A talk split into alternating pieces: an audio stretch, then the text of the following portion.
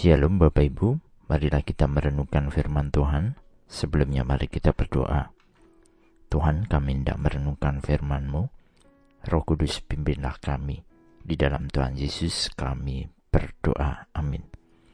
Bacaan saat ini diambil dari 1 Timotius 4 ayat 10. 1 Timotius 4 ayat 10. Itulah sebabnya kita berceripaya dan berjuang, karena kita menaruh pengharapan kita kepada Allah yang hidup, Juru Selamat semua manusia, terutama mereka yang percaya.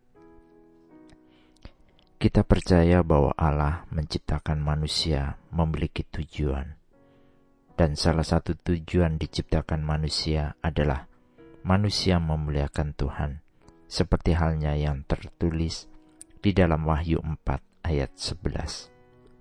Ya Tuhan dan Allah kami, Engkau layak menerima puji-pujian dan hormat dan kuasa, sebab Engkau telah menciptakan segala sesuatu, dan oleh karena kehendakmu, semuanya itu ada dan diciptakan. Dan tujuan lain adalah manusia bisa bersama-sama menikmati persekutuan dengannya untuk memuliakan Tuhan. 1 Korintus 1 ayat 9 menuliskan, Allah yang memanggil kamu kepada persekutuannya dengan anaknya Yesus Kristus, Tuhan kita adalah setia. Panggilan kehidupan manusia adalah ada dalam persekutuan yang baik bersamanya dan senantiasa memuliakan namanya setiap waktu.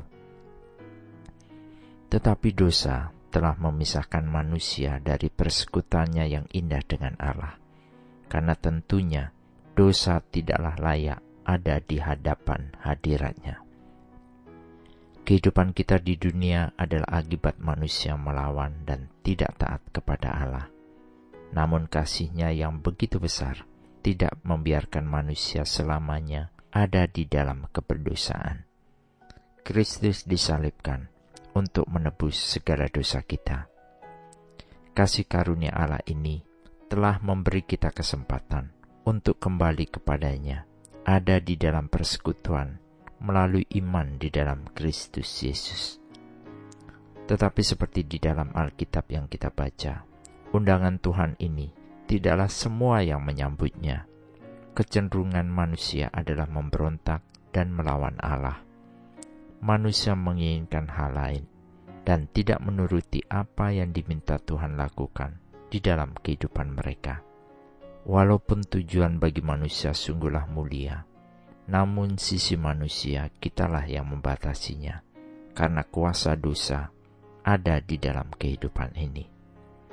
Oleh karenanya, setiap kita yang menaruh pengharapan kita kepada Allah perlu untuk terus berjeripayah dan berjuang melakukan segala perintahnya dalam segala ketaatan kita. Karena ketika kita taat menjalankan perintah Tuhan, maka Tuhan berkenan atas kita manusia.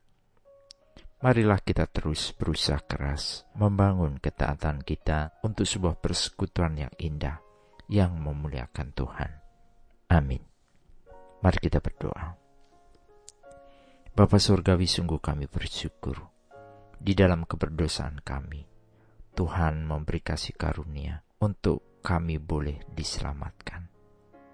Ajari terus kami untuk berlaku taat dan sedia menjalankan segala perintah Tuhan. Kami menyadari terkadang goda dunia bisa membawa kami menjauh dari Tuhan. Tolong dan pimpinlah kami senantiasa. Di dalam Tuhan Yesus, kami senantiasa berdoa dan memohon. Amin. Tuhan Yesus memberkati. Shalom.